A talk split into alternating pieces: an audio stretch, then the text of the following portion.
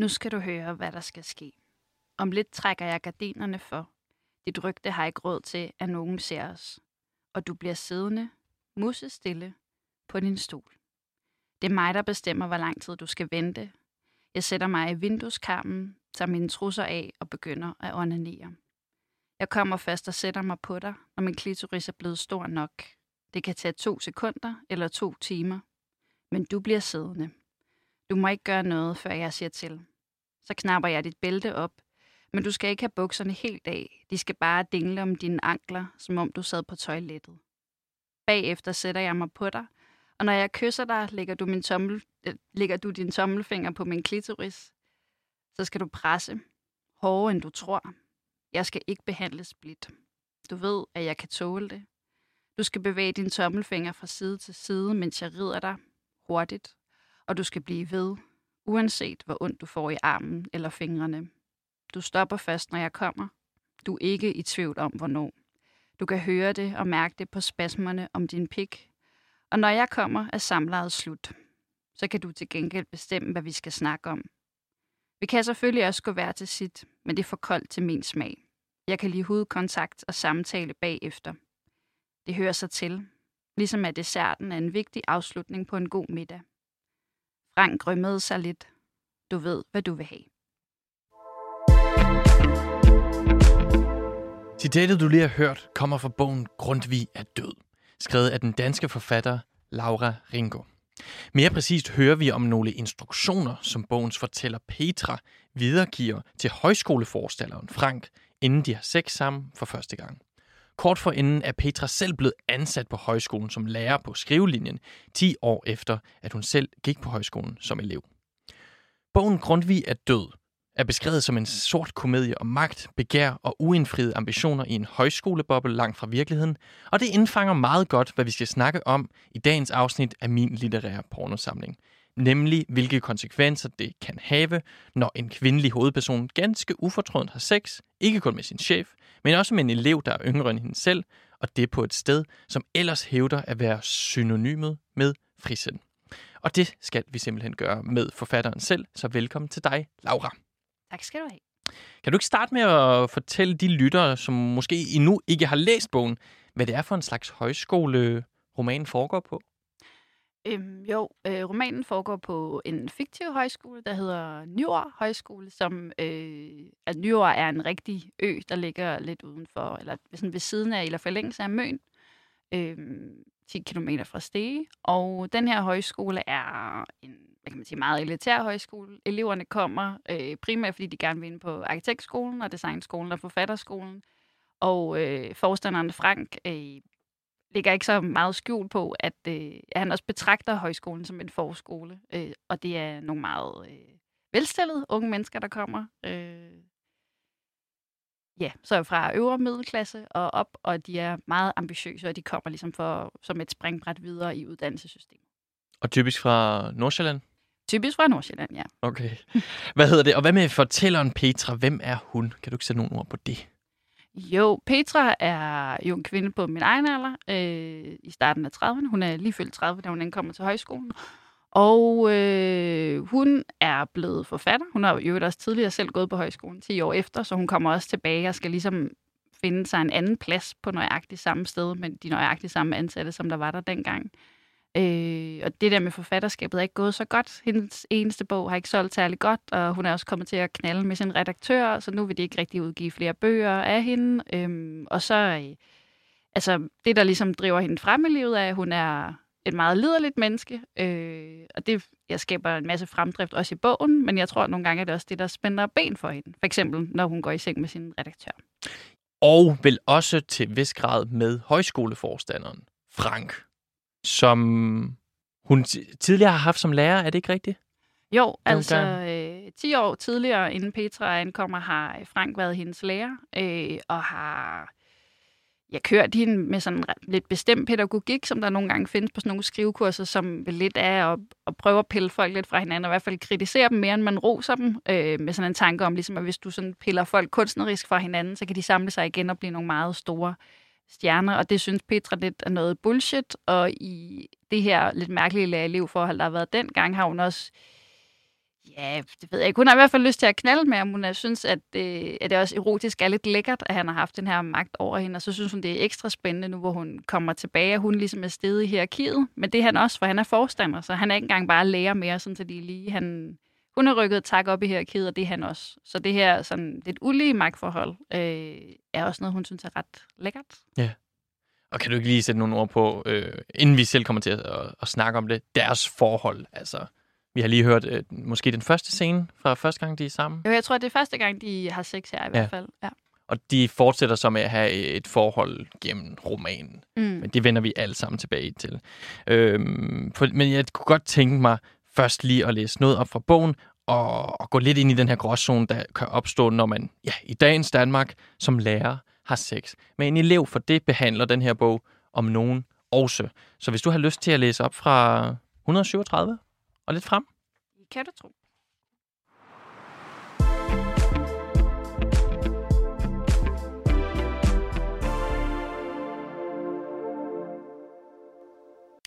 Han snøvlede. Det var ikke så mærkeligt i forhold til, hvor meget portvin han havde indtaget på den sidste halve time. Men da han satte sig over skrevs på mig på den røde velursofa og insisterede på, på at presse sine læber mod mine, gav jeg efter. Han knappede min skjorte op. Det tog lang tid, og jeg nåede at tælle, at der var otte knapper. Min BH voldte ham problemer.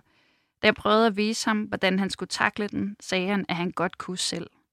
Han kunne også selv tage min brystvorte i munden, lade sin tunge glide ned på min navle, og så Venusbjerget. Han kunne selv knappe mine bukser op, stedigt hive dem af, mens jeg blev siddende på sofaen. Da han opdagede bomuldsnoren fra min skede, kiggede han spørgende på mig. Du kan bare tage den ud, hvis det er. Vil du ikke hellere selv gøre det? Det ville jeg egentlig ikke, men jeg hævde tamponen ud. Jeg tog Ankers hat af og opdagede, at der under den var den fineste lille stramme knold. Jeg løsnede den, og der faldt lange mørke lokker ned langs hans hals. Han trængte ind i mig, uden at have mærket efter, om jeg var våd. Jeg lagde mig ned på sofaen, ellers kunne det ikke lade sig gøre. Den nervøse velur krassede under mig, og han kiggede mig så intenst i øjnene, at det næsten var komisk, da han langsomt støtte ind og ud af min skide. Hans venusbjerg var glat barberet. Han havde røde knupper, var helt groomet og bar. Er det dejligt, spurgte han. Jeg vendte mig, så han kunne tage mig bagfra, men der gik ikke særlig længe, før gasmen overtog hans krop, og han blev helt tung og maste mig ned mod veluren igen. Kom du? Jeg rystede på hovedet. Det skal du. Og selvfølgelig skulle jeg det. Jeg hjalp hans fingre ned mod min klitoris. Den var mere på størrelse med et majskorn end med et hindbær, men jeg var også fuld. Han gned og gned, og gned og gned, og gned og gned, og gned og gned. Men jeg kunne ikke mærke noget. Ikke før næste dag, hvor min klitoris var blevet øm. Morgensolen faldt ind på hans sovende ansigt. Hans mund stod på hvid gab. Jeg gned på hans næse i samme rytme, som han havde gnedet på min klitoris dagen inden. Han vågnede og grinte. Må du egentlig godt det her?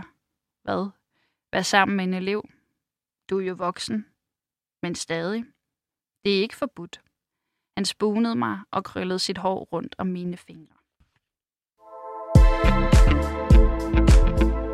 Altså et citat, som også beskriver første gang, Petra er sammen med den her elev på skrivelinjen Anker. Mm-hmm. De fortsætter sådan lidt on-off med at have en relation gennem resten af bogen.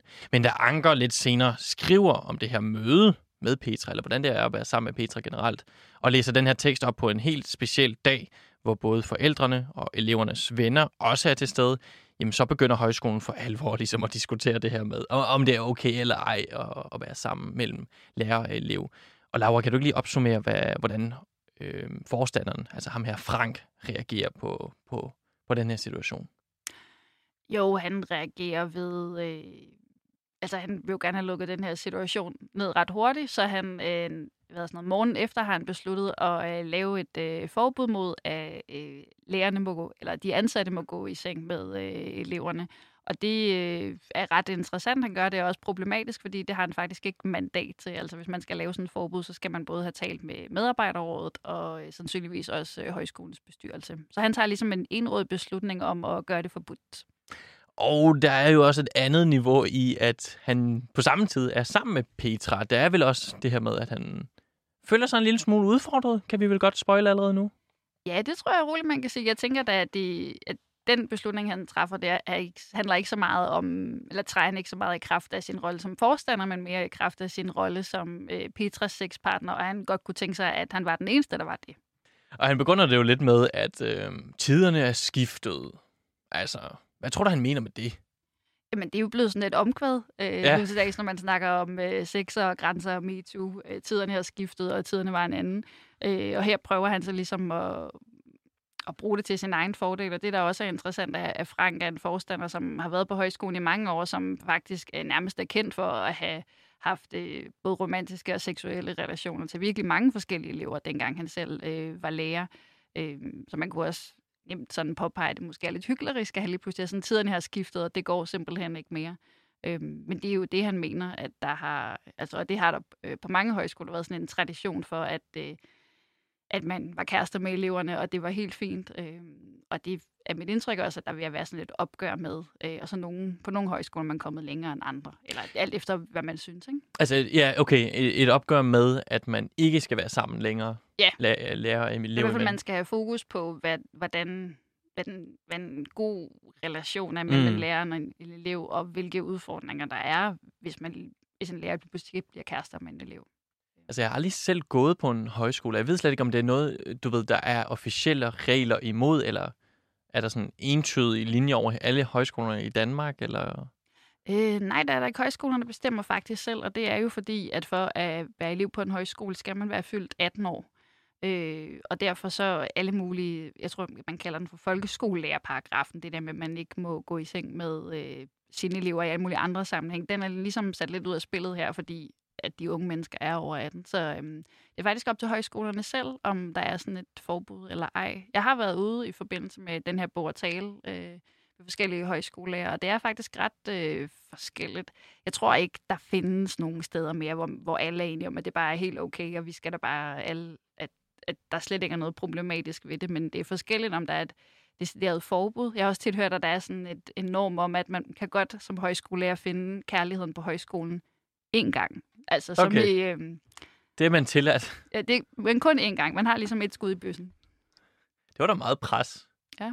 Altså på ens kærlighedsliv på den Ja. ja. Ja. Spændende. Men ikke, jo, okay, decideret forbud mener du måske ikke. Hvad er det for noget, øh, altså Petra, fortælleren, hun virker jo meget rolig over, under hele den her situation, vil jeg sige. Hvordan forsvarer hun sig selv? Ja, jeg tror, hun tænker, øh, som, altså det typiske argument vil være, at, øh, at Anker her og alle eleverne jo er voksne mennesker. Og så øh, tror jeg også, der er et element for hende i, at der jo, og det ved hun, fordi hun jo også selv har været højskoleelev, har været en kultur, hvor særligt de mandlige lærer øh, godt måtte blive kærester med de kvindelige elever. Og nu har ja, sådan, kønsrollerne jo også ændret sig så meget, at det på en måde nu så er de kvindelige lærers tur til at score øh, eleverne. Så jeg tror også, hun synes, at det er lidt af noget fæs, når det bliver kvindernes tur, at så er det slut. Hun er sur på, øh, altså over det her i sig selv. Ja, det tror jeg, hun synes, at... Øh, og så, så er hun... Altså, hun er jo også meget i sådan sin liderlighedsvold, så det der med, jeg tror ikke altid, hun er så interesseret i at sådan, tænke så meget over, hvad konsekvenserne er at gå i seng med, hvem man nu går i seng med. Hun er mere sådan, hvor, jeg har lyst til det, og de har også lyst, hvorfor skulle jeg så ikke gøre det? Mm, ja, okay, helt sikkert. Men øh, der er jo også et eksempel med... Altså, jeg tænker bare, om det havde, ville have været det samme, hvis Petra... Øhm, altså, ville hun også have haft problemer med bestyrelsen, også sine elever, hvis hun havde været en mand. Altså, eksempelvis så ser vi jo den øh, person, som hun underviser sammen med på skrivelinjen, som hedder Frej. Han er øh, en mand i 40'erne, hvornår? Ja, Ja, han er i starten af 40'erne, tror Ja, jeg. Ja. og han hvad hedder det, øh, flytter ret meget med den her 27-årige elev, som hedder Freja. Øh, men bliver, altså, hans sag blev ikke rigtig vurderet på samme måde. Jeg mener ikke, at Frej og Freja knaller Mhm. mm-hmm. eksplicit, men øh, der rejser sig lidt en, øh, en modvilje mod ham.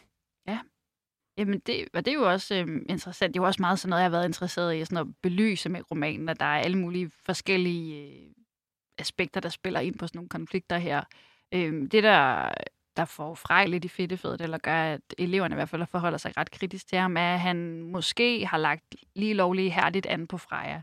Øh, og det kan man i hvert fald så diskutere, at hvor, hvor meget må man lægge an på at ligesom gøre tilnærmelser til sin elev. Specielt hvis man måske burde have opfattet, at der ikke var gensidig interesse. Så der er sådan en flydende grænse på den måde, eller hvad?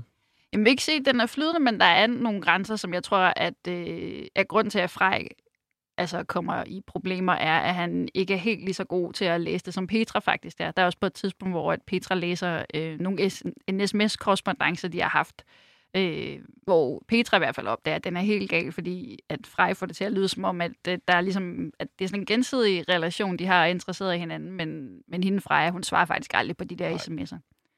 Det er Frej netop, der bliver ved med at spørge, skal vi gå ud og gå, skal vi gå ud og gå? Og... Ja, lige på, altså han bliver ghostet, Ja. ja. øh, men det er som om, at det, det begreb kender han ikke. Nej, det er måske øh, for gammelt til.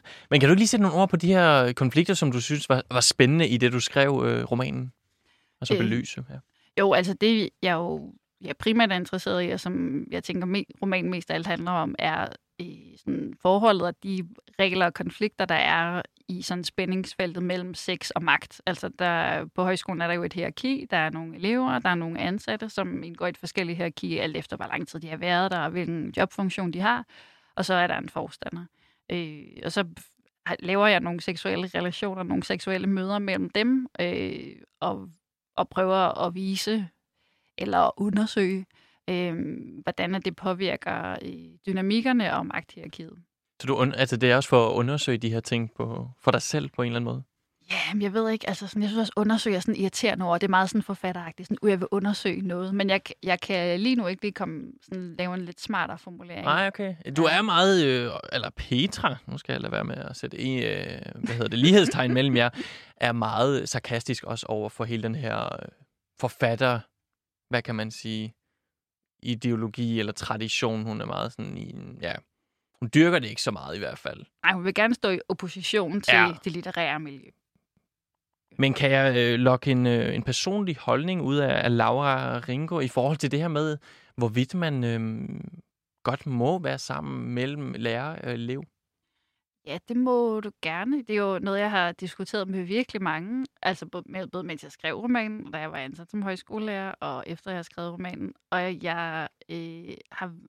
Jeg tror, jeg faktisk lander mere og mere på, at jeg synes, at et forbud i udgangspunktet faktisk er det bedste, fordi at når man er ansat som lærer, så skal man jo, da det er ens, ens ansvar, at der er en god lærer-elev-relation, og det er virkelig svært at opretholde en god lærer-elev-relation, øh, hvis man går i seng med sine elever. Og så er der jo også et aspekt af, at du også mister magt og autoritet, hvis du går i seng med dine elever, fordi så begynder dine elever at, at sladre om dig, og, og, og det på en måde også sådan, så viser man også, at man, ja, i sin, det ved jeg ikke, liderlighedsvold, eller man på en eller anden... Ja, der er, der, det gør et eller andet for hierarkiet, tror jeg, som...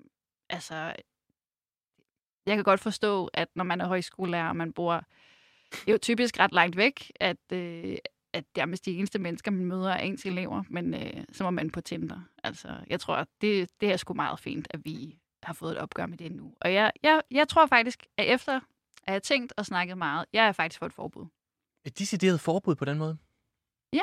Eller i hvert fald, altså, så kan man jo selv beslutte, om man så skal fyre folk for det, eller hvad man... Men jeg, jeg synes øh, i udgangspunktet ikke, det er en god idé at gå i seng med sine elever. Nej, jeg, jeg synes, øh, eller på et tidspunkt er der en passage, hvor, hvor hvad hedder det, Petra beskriver det her med, at man ved sjældent, hvordan en relation kommer til at tage sig ud, når man har haft sex med dem. Eksempelvis nævner hun sin redaktør, som øh, lidt ikke har den samme holdning, eller øh, har den samme begejstring for hende længere, og tager hende ikke rigtig seriøst bagefter. Mm. Og det er vel også det samme, det her med, at man, man sjældent kan forudse, hvad det gør for en relation. Men jeg mener bare, i den bedste af alle verdener, vil man så ikke sige, at, hvad hedder det, det, det er voksne mennesker på den måde?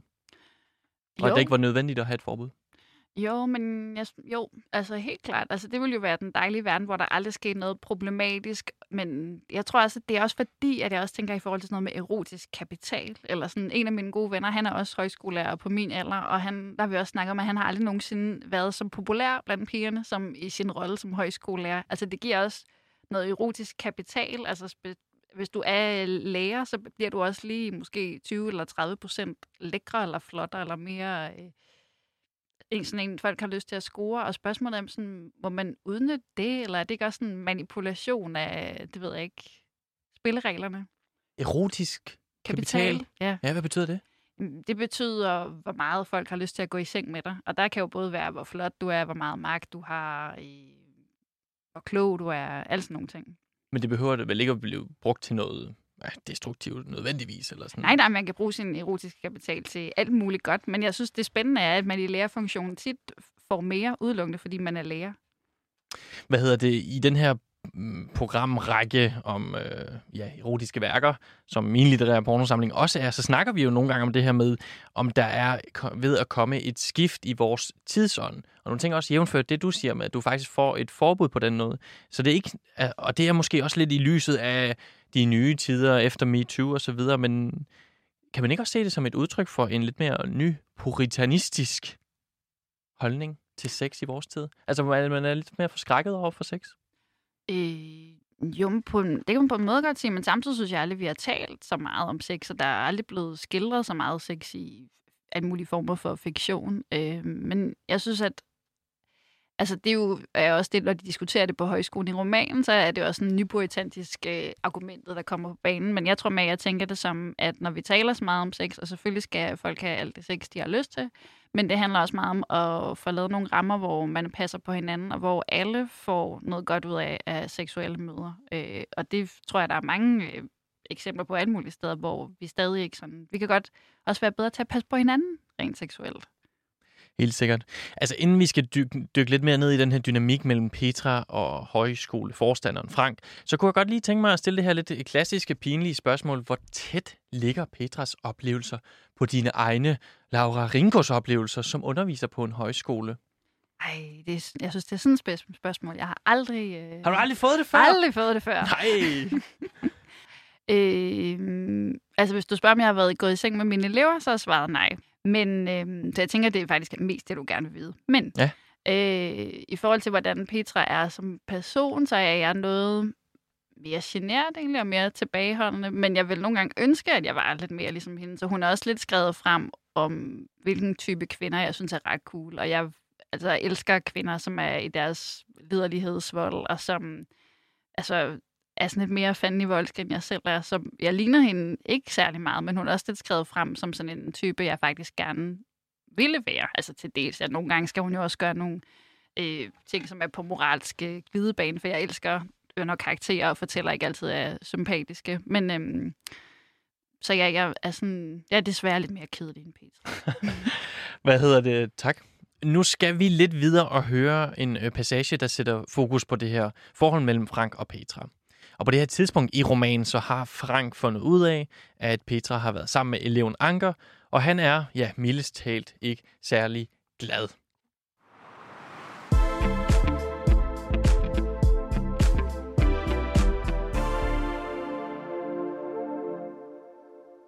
Tiderne er præcis, som de altid har været.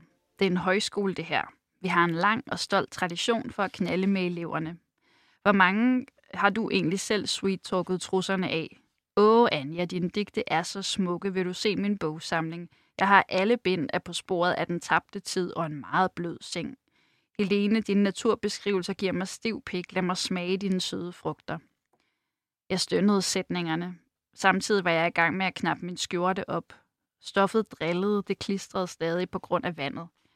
Men nej, nej, når det bliver min tur til at knalde med de smukke unge elever. Nå nej, vent, der er faktisk kun tale om én, Anker. Ham, der ligner en fotomodel og er så ung, at du næsten kunne være hans bedste far. Men det kan du ikke tåle. Du er så uprofessionel, og lige så snart det bliver antydet, at jeg kan have sex med andre end dig, så kommer du med din store fede magt og din store fede pik og råber, nu er det fandme forbudt, slut, ha ha ha. Hvor blev den selvkontrollerende verdensmand af? Den prisvindende digter? Er det ikke altid det, du plapper om, når du har fået for meget vin? At du faktisk er en anerkendt forfatter, og alle ved, hvem du er i det litterære miljø. Tillykke med det, Frank. Der er ikke noget litterært miljø i nyår. Vi er lysår væk fra København. Frank sad stadig og røg på sin pibe. Jeg kunne lige så godt have fremlagt et årsregnskab, så neutralt så han ud. Spiller du sur nu? Skal du ikke sige noget? Åh, lille Petra, lille dumme personale Petra. Du tror rigtigt, at du bestemmer noget selv, men det er mig, der har overhånden.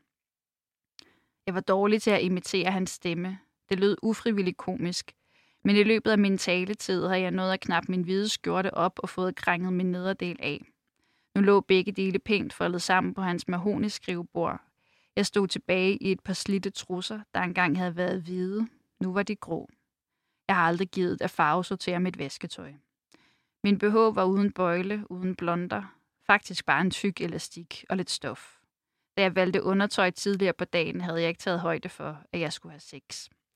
Frank sad stadig roligt og sugede på pipen.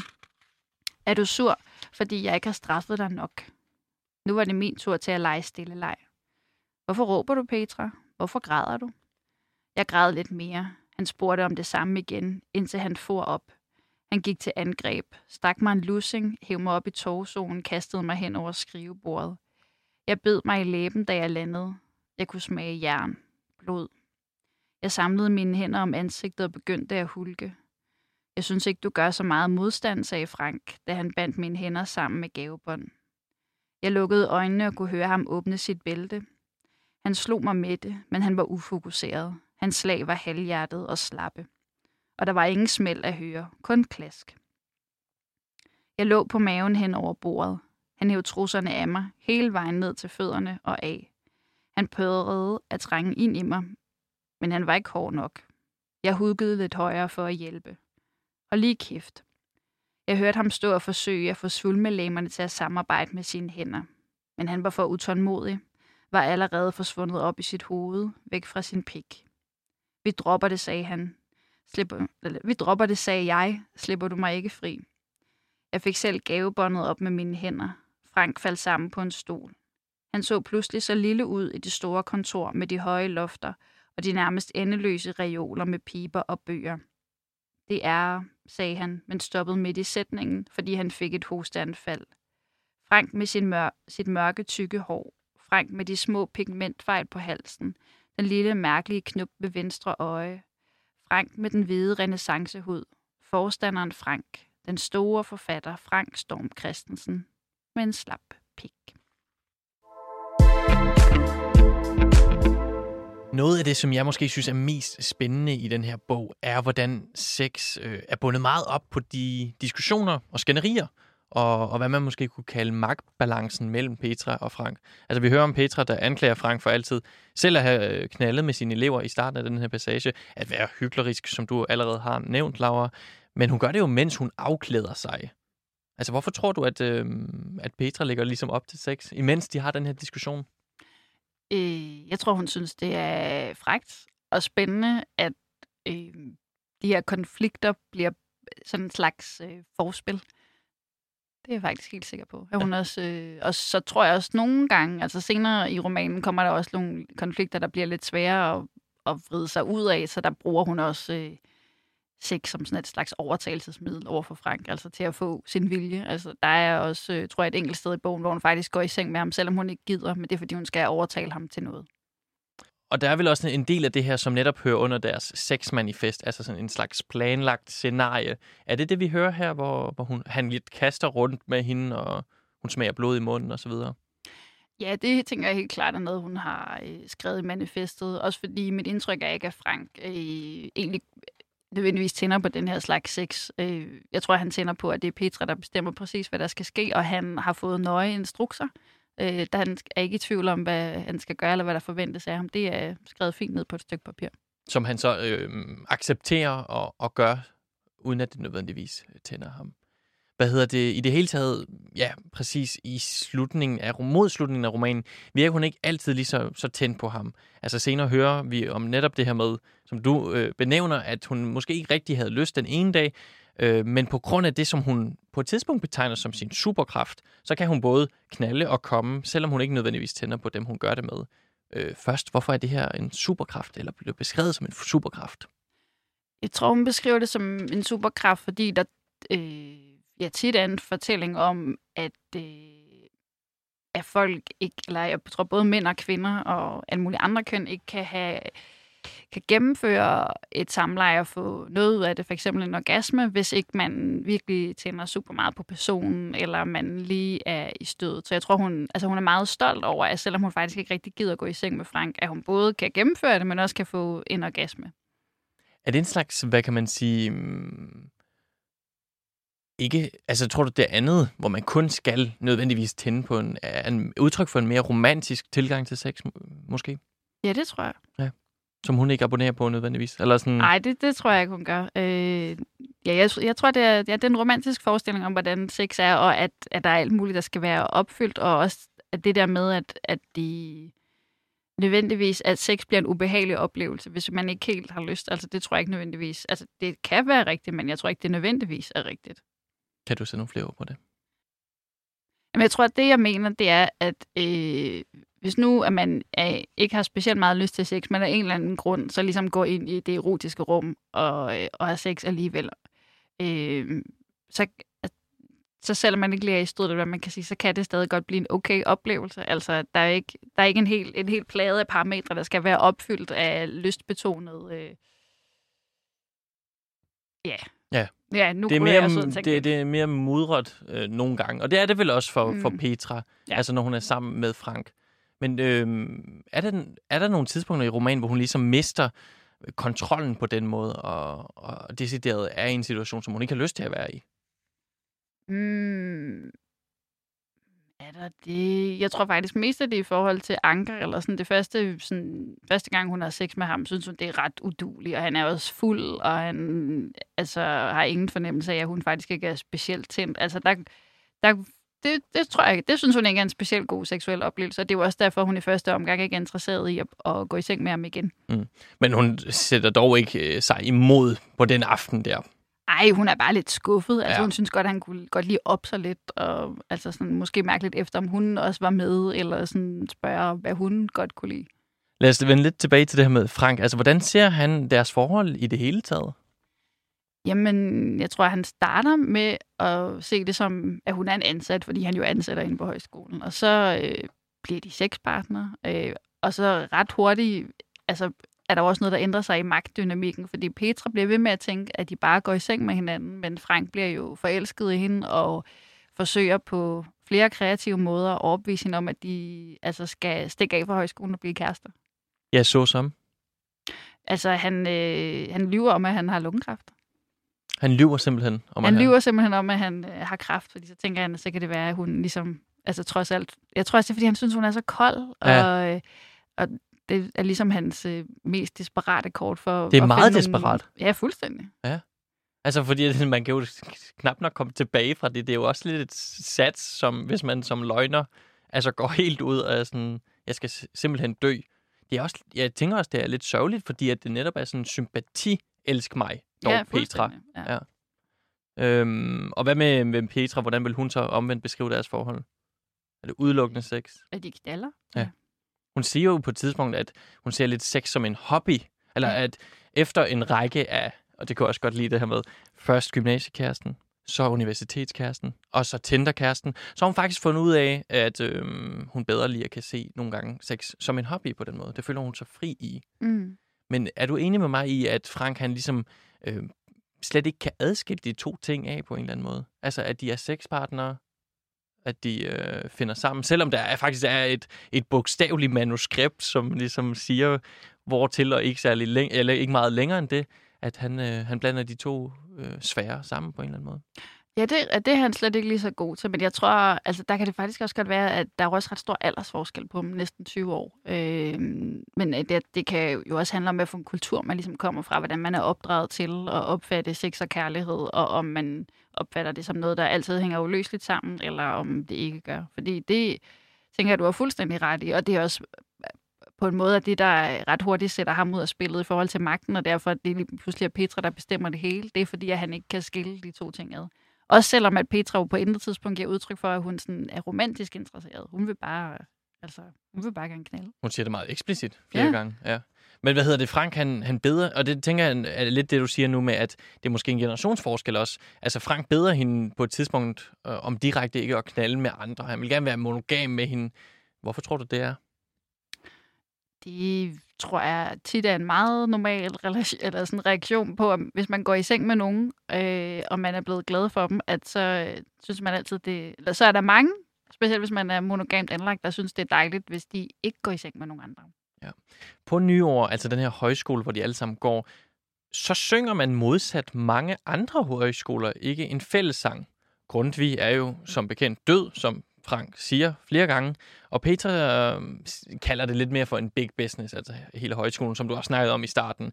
Men på et tidspunkt beklager eleverne sig og siger, at de, de synes simpelthen, at de skal synge noget fællessang, som Petra så straks går i gang med at organisere og spille på et klaver, og men en smule dårligt. Hvis jeg lige må læse et lille citat op.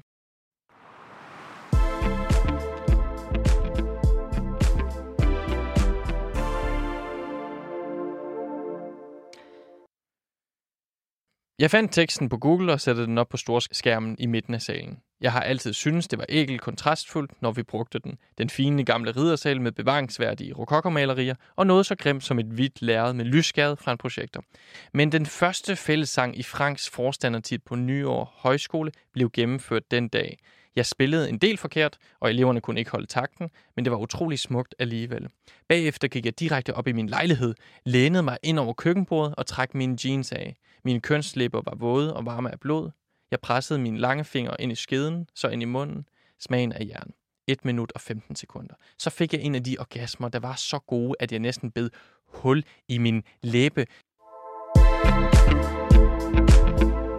Jeg kunne bare godt tænke mig, at, altså jeg synes her virker det lidt som om, at hun tænder på at ydmyge Frank. Altså det er jo Franks øh, idé om Nyår Højskole, der lige krakelerer, når den her fællesang bliver indført.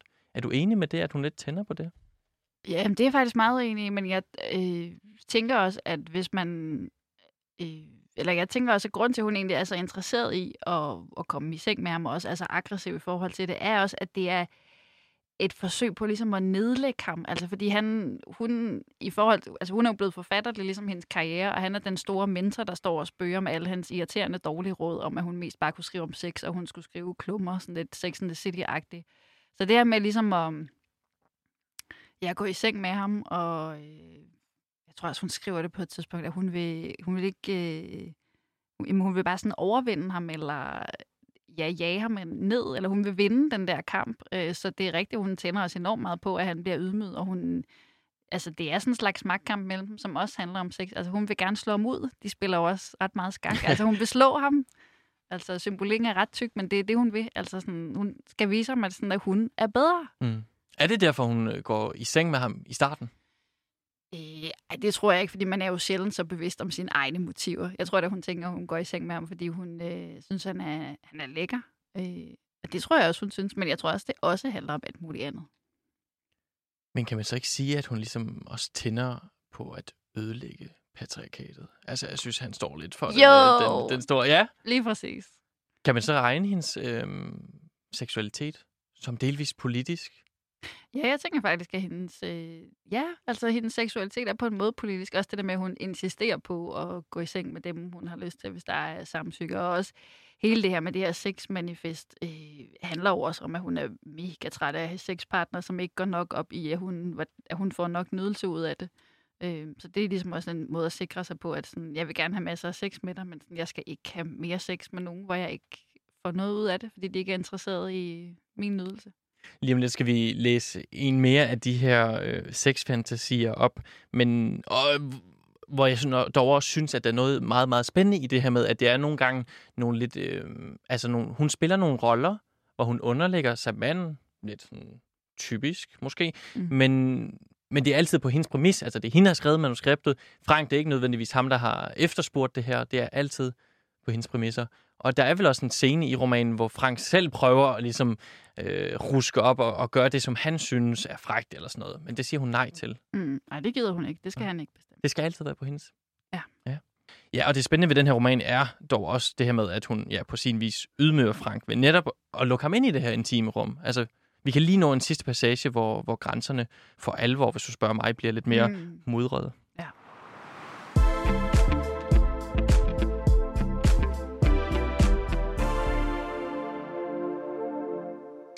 Mens jeg gik ind i soveværelset, kunne jeg høre hans strømpefodslisten hen over trægulvet. Jeg åbnede den lyserøde kommode og tog min hvide natkjole på. Den havde t-shirt-ærmer, gik til knæene, og på maven var der et blødt hjerte af lyserødt plys. Min sovebamse var en kanin med lange ører. Vi kaldte den for Stampe. Den var på størrelse med min torso. Vi havde købt den i Toys R Us. Far, kommer du ikke ind og fortæller en godnat-historie? Han tog sine mediebriller på og kørte en grå tot hår bag sit øre. Han spurgte, om den skulle være sød, uhyggelig eller skæg, mens han studerede bogregionen. Gummitarsen, sagde jeg, og hoppede siddende på madrassen. Han fandt bogen og placerede sin krop i sengen, puder i ryggen og mig i sin armhule. Han læste højt, højt og adede mit hår. Jeg begyndte at ræve sove.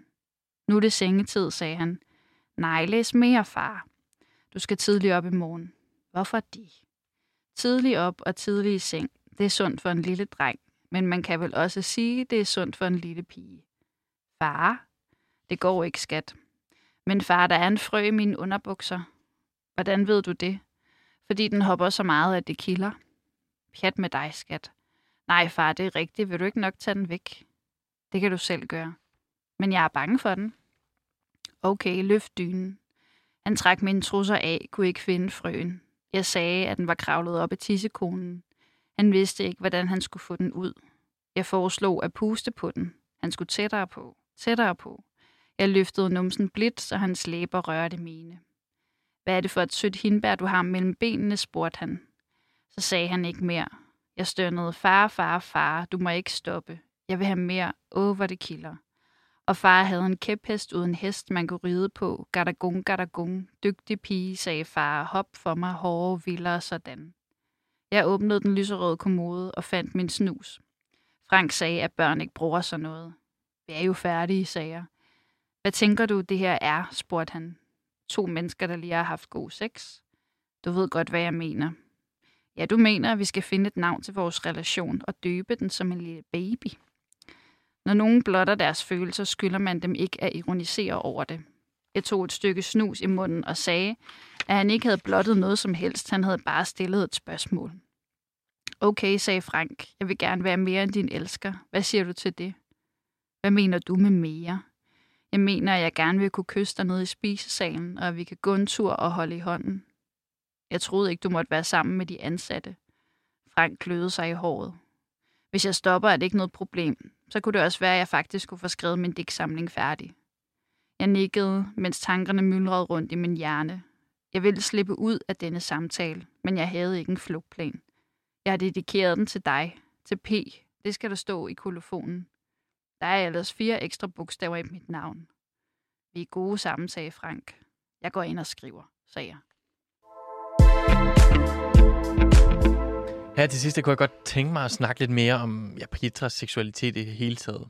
I den her passage, så hører vi jo altså Frank, der ligesom gentager lidt den samme dynamik, vi har snakket om, med at han blander lidt den seksuelle øh, intimitet med en mere følelsesmæssig øh, ja, connection. Altså han tror ligesom, at de er tættere, bare fordi de også knaller. Mm. Men først og fremmest, altså den her daddy-fantasi, som jeg ærligt talt øh, igen, jeg læser meget øh, erotisk litteratur i den her serie, men jeg synes, den er ret vild i sig mm. selv. Hvad vil du selv kalde den her slags sex? Øh, det er jo en incest-fantasi. Ja. ja. Og det er vel også Petra, der har efterspurgt den i sin øh, det tænker jeg helt klart, sex-manifest? Ja. ja. Øh, var den svær at skrive? Er den spændende at skrive? Hvordan er den at skrive? Mm, nej, den var faktisk ret sjov at skrive. Det var faktisk, fordi jeg engang så øh, sådan en dokumentar, der hed Venus, tror jeg, om kvinders sexfantasier. Og så var der øh, en hel masse cool kvinder, som fortalte om deres sexfantasier, altså alt muligt. Øh, og så var der en øh, kvinde, som var helt sådan sløret og meget skamfuldt fortalte om, at hun havde lavet, de havde de her incestleje med sin partner. Og så, jeg ved ikke, jeg fattede bare meget stor sympati for hende og tænkte, men det er jo bare noget, I leger? Altså, hvorfor øh, det der sådan incest-stigma? Øh, hvorfor? Altså, jeg forstår godt, det er der, men når det er en sexleje, de, man kan godt tale nogenlunde frit om, at folk har voldtægtsfantasier, fordi det er noget, man bare fantaserer om, og det er en leg. Men sådan, så jeg havde også... Øh, altså, jeg kan også vildt godt lide at provokere, når jeg skriver. Jeg tror også, jeg har meget sådan siddet og hygget mig med tanken om, at folk bare vil sidde og være sådan, fuck, det har hun ikke skrevet. Hvor er det ulækkert? Hvor er det for meget? Har du fået nogle reaktioner på i den øh, retning? Øh, nej, men altså, jeg vil sige, de fleste, jeg kender, øh, altså, vil gerne tale om, at den handler meget om sex, men vil altså helst ikke tale om den her scene. Okay. Eller der, der er det sådan, uh, vi kan også lige tale om noget andet.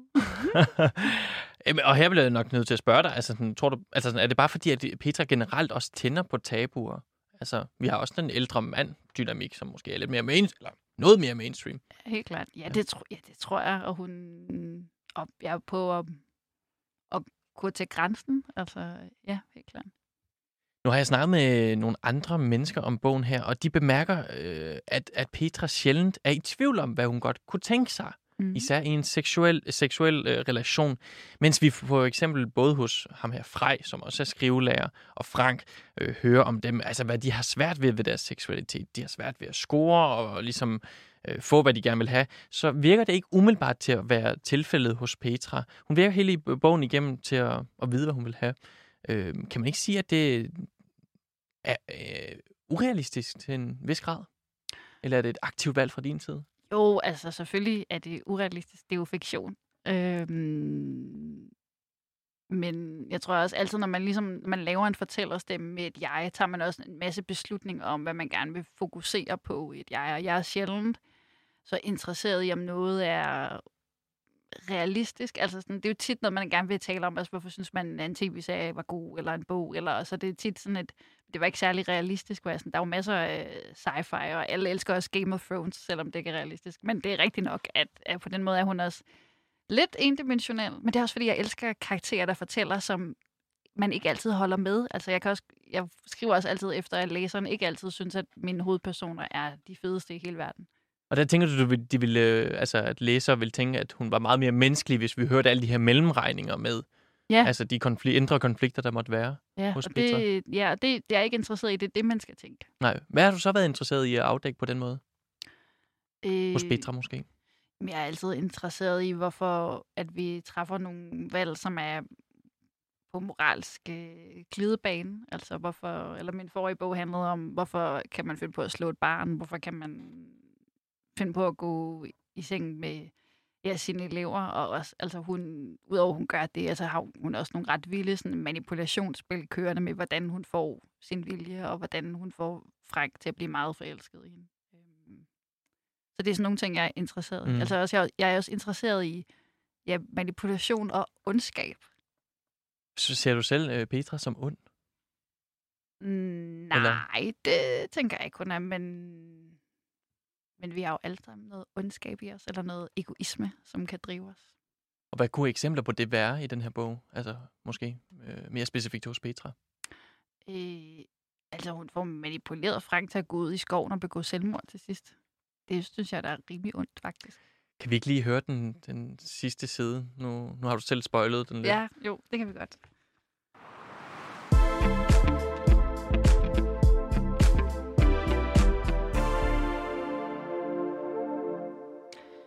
Jamen, de er lige de er til møde, og så har de lige fået at vide, at, øh, at Frank er død. Ja. Og han nok har hængt sig ude i et øh, sommerhusområde. Shit, viskede Frej. Jeg havde ikke lagt mærke til, at vi sad ved siden af hinanden. Vidste du godt, at han havde det så dårligt? Nej, sagde jeg. Lad os gå ned i spisesalen og tage en kop kaffe. Han gik i forvejen. Jeg gik ind på lærerværelset for at tjekke mit dueslag. Der lå selvfølgelig en seddel. Kære P, lejen er slut. Du fik lov til at bestemme. Din F. Jeg krøllede sædlen sammen og smed den i papirkurven. Selv i sit afskedsbrev var han for doven til at skrive vores fulde navne. Og han tog fejl. Det var ikke mig, der stillede en IKEA-pose frem i hans entré med et tykt ræb og en flaske vin. Det var ikke mig, der skrev nøje instrukser om, hvilket træ ved sommerhusområdet i Ulfshale han skulle vælge. Det var ikke min skyld. Det er ikke min skyld. Bagefter gik jeg op i min lejlighed. Jeg lukkede døren, stak hånden i bukserne og tændte for stopuret. Min klitoris var stor og fugtig, næsten større end et hindbær, og der gik præcis 59 sekunder. Min personlige rekord. Så kom jeg.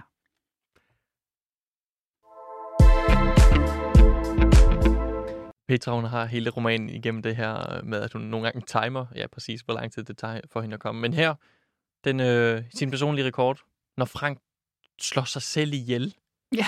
Det virker meget mørkt. Det er også urealistisk.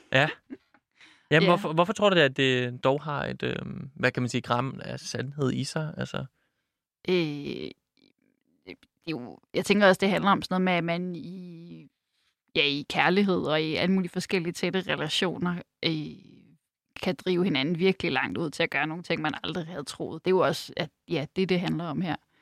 Og Frank er blevet virkelig vild med hende, og hun er jo det her, altså ja, i hans øjne måske sådan ret kold, eller hun har i hvert fald meget stor skæld med, hvad der er sex og hvad der er kærlighed. Og jeg tror, han opdager, at han har ikke en chance. Hun gider det ikke.